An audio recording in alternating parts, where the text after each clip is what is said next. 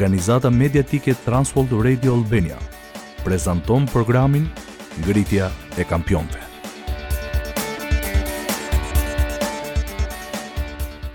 Nëse do të thosha se si burra ju jeni qenie seksuale, a do të habiteshit? Ndoshta jo. Shumica nga ne e dinë këtë që kur ka qenë djem të rinj. Dhe mendoj se edhe nëse ndonjë grua është duke na dëgjuar, as ajo nuk do të habitej.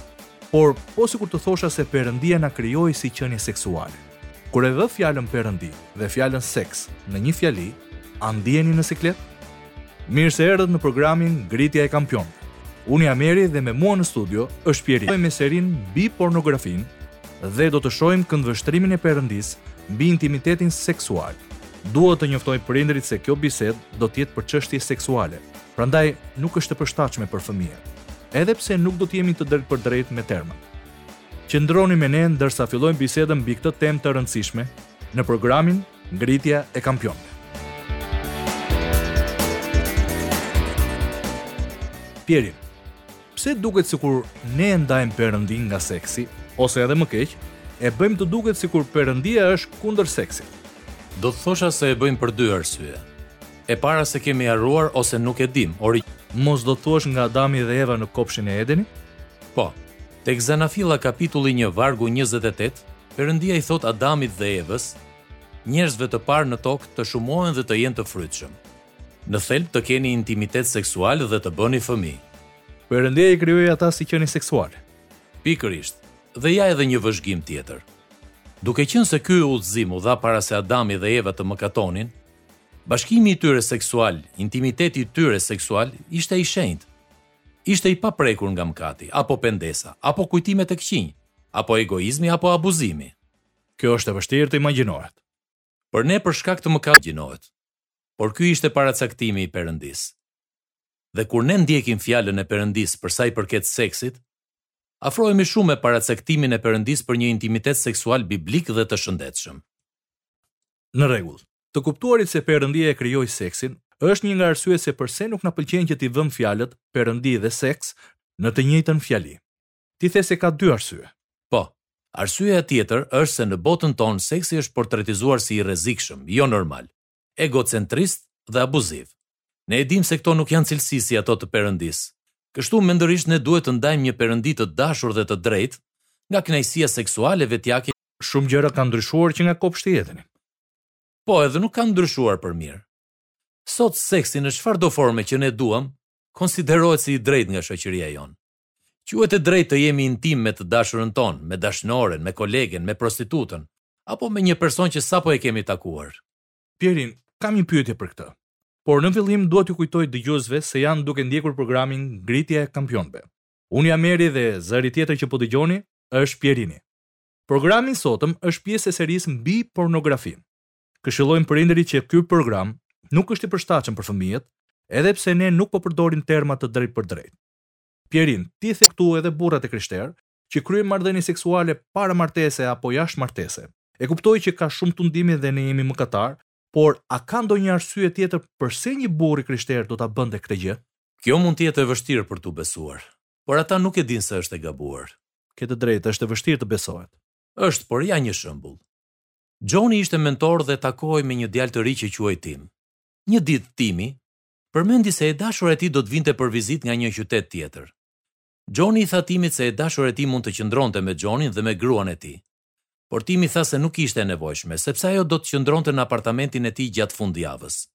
Timi ishte një i krishterë që përfshihej në studime biblike dhe merrte pjesë në aktivitetet dhe mësimet e kishës prej vitesh. Kështu një ditë Xhoni i tha Timit të lexonte Efesianëve kapitulli pesë vargu tre. Të lutem, a mund ta lexosh Eri? Sigurisht. Efesianëve kapitulli pesë vargu tre thotë, Por ashtu si u ka hije shenjtorëve, as kurvëria, as ndonjë papastërti, as kurnacëri, të mos zihet në gojë midis jush. Dhe si reagoi Timi? Ai nuk e dinte se çfarë do të thoshte kurvëri. Kështu Xhoni i tha të lexonte përkufizimin që thoshte, Kurvëri është marrëdhënia seksuale midis dy njerëzve që nuk janë të martuar. Si reagoi Timi kur lexoi këtë përkufizim? Ai nuk e bëri dot lidhjen. Kështu që Xhon Efesianëve pesë tre. Por ashtu si u ka hije shenjtorëve, as kurvëria, as ndonjë papastërti, as kurnacëri, të mos zihet në gojë midis jush. Dhe pastaj përsëri përkufizimin e kurvërisë. Kurvëri është marrëdhënia seksuale midis dy njerëzve që nuk janë të martuar. Dhe? Asgjë. Timi nuk pa asnjë lidhje midis këtyre të dyjave. Kështu që Xhoni i tha t'i lexonte edhe një herë, edhe një herë, edhe një herë. Dhe pas herës së pestë, Timi e pa Xhonin dhe me lot në sy i tha, Nuk e dija se ishte gabim. Dhe Timi nuk është i vetmi që nuk e di, apo jo? Jo. Disa nga dëgjuesit tanë mund të jenë duke e bërë lidhjen tani. Një prej tyre, Dëgjoni edhe vargun pesë nga Kolosianëve kapitulli tre. Bëni pra të vdesin gjymtyrët tuaja që janë mbi tokë, kurvërinë, ndyrësinë, pasionet, dëshirat e këqija dhe lakminë, që është idhujtari. Imoralitet seksual është një fjalë tjetër për kurvërinë. Dhe Hebrejve 13 katër thotë: Martesa të nderohet nga të gjithë dhe shtrati martesor i papërlyer, sepse Perëndia do të gjykojë kurvarët dhe kurorëshkelësit. Perëndia ka fjalë të fuqishme për imoralitetin seksual dhe kurorëshkelësit. Po, absolutisht po. Dhe nuk ka zonë gri këtu. Imoraliteti seksual, kurvëria, është i gab... do të ketë gjykimin e Perëndisë. Sidoqoftë Perëndia ka fjalë të fuqishme për atë burrë që e sheh mëkatin e tij, nuk e bën më, Bibla e quan pendesë, dhe që i kërkon falje Perëndisë. Dëgjoni se çfarë thotë një Gjonit një, vargu nëntë. Po t'i rrëfejmë mëkatet tona, Ai është besnik dhe i drejtë që të na falë mëkatet dhe të na pastrojë nga çdo paudhësi. Tani ne e dimë se seksi paramartesor apo jashtëmartesor është i gabuar në sytë e Perëndisë. Dhe sytë e të tjerëve nuk kanë rëndësi. E drejtë. Këndvështrimi i Hollivudit, i Bollivudit apo ndonjë këndvështrim tjetër, nuk kanë rëndësi, sepse këndvështrimi i Perëndisë është më i miri për ne. Duket sikur ne e dimë këtë. Perëndia e di se çfarë është më e mirë për ne. sepse Ai na krijoi. Dëshiron të na mbrojë dhe dëshiron që gratë tona të shijojnë një intimitet të mrekullueshëm seksual. Eri, a e dije ti se Perëndia na krijon me më shumë funde nervore në organet seksuale sesa në çdo pjesë tjetër të trupit përveç gjuhës? Jo, nuk e dija, por kjo shpjegon përse seksi jep shumë kënaqësi. Po, vërtet. Perëndia e krijoi seksin dhe ai është i mirë, si çdo gjë tjetër që Perëndia krijoi. por duke mos ndjekur udhëzimet e Perëndisë për seksin, njeriu e ka shtrembëruar paracaktimin e Perëndisë. Për shembull, një milion infeksione seksualisht të transmetueshme dëm sot, dhe një milion të tjerë nesër, dhe ditën tjetër, edhe ditën tjetër. Kjo është e frikshme. Shumë e frikshme. Dhe askush nuk ka imunitet. Ishte një djalë i krishterë që ishte i virgjër.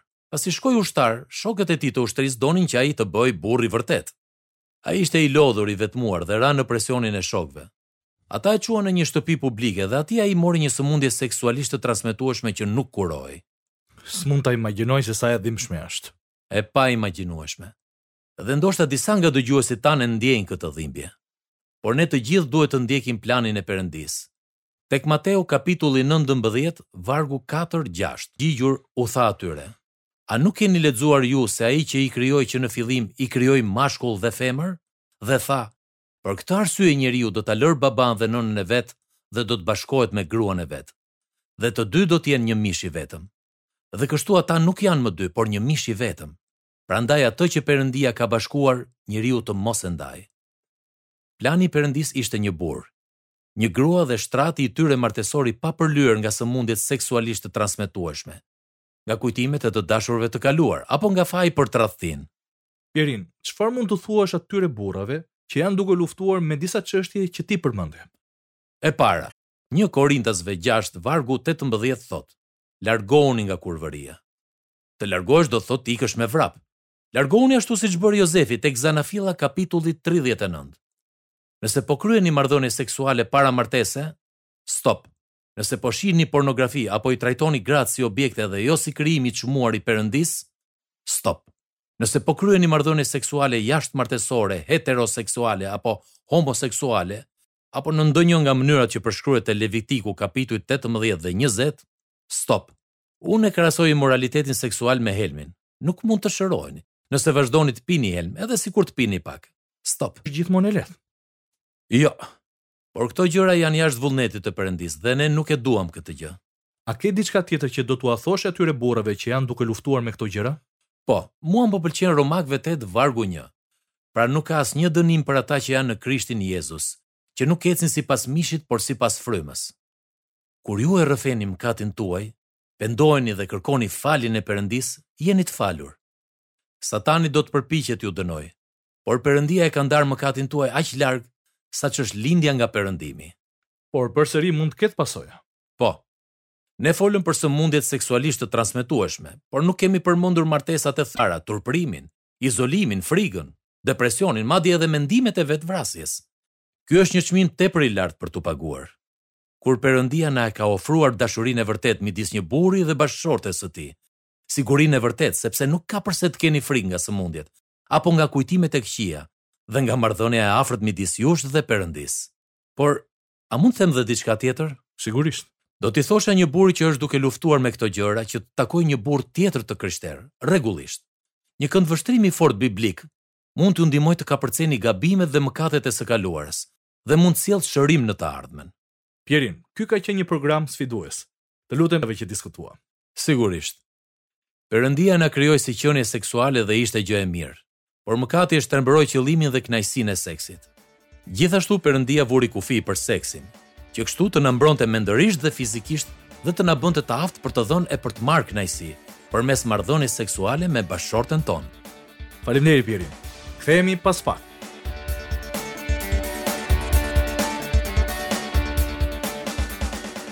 Faleminderit që na ndoqët në programin Ngritja e Kampionëve, ku shumë burra pajisen dhe forcohen për të përmbushur potencialin që Perëndia u ka dhënë. Sot kemi parë planin dhe këndvështrimin e Perëndisë në lidhje me intimitetin. Sot Radio Albania sjell në shqip një kurs dishepullizimi vetëm për burra. Më shumë informacion mund ta gjeni në faqen tonë www.burraluftëtarë.al. Këtu mund të gjeni gjithashtu hapa praktikë se si të filloni një studim me një grup burrash përmes këtij libri, Çdo burrë është një luftëtar. Është një kurs dishepullizimi i modeluar për të ndihmuar burrat të kenë sukses në jetë. Ky kurs është për burrat që duan të bëhen luftëtarë që Zoti ka synuar të jenë, duke mos jetuar një jetë mediokre, por duke u maturuar dhe duke u pajisur në fushat ku burrat luftojnë dhe duhet fitojnë. Unë jam Eri dhe së bashku me Pierinin shpresojmë t'ju kemi ndihmuar dhe gjithashtu të na ndiqni në programin e ardhshëm, diskutimin për këtë temë. Deri atëherë, faleminderit që na ndoqët në Ngritja e Kampionëve dhe Perëndia ju bëftë burrat që ai e di se mund të jeni.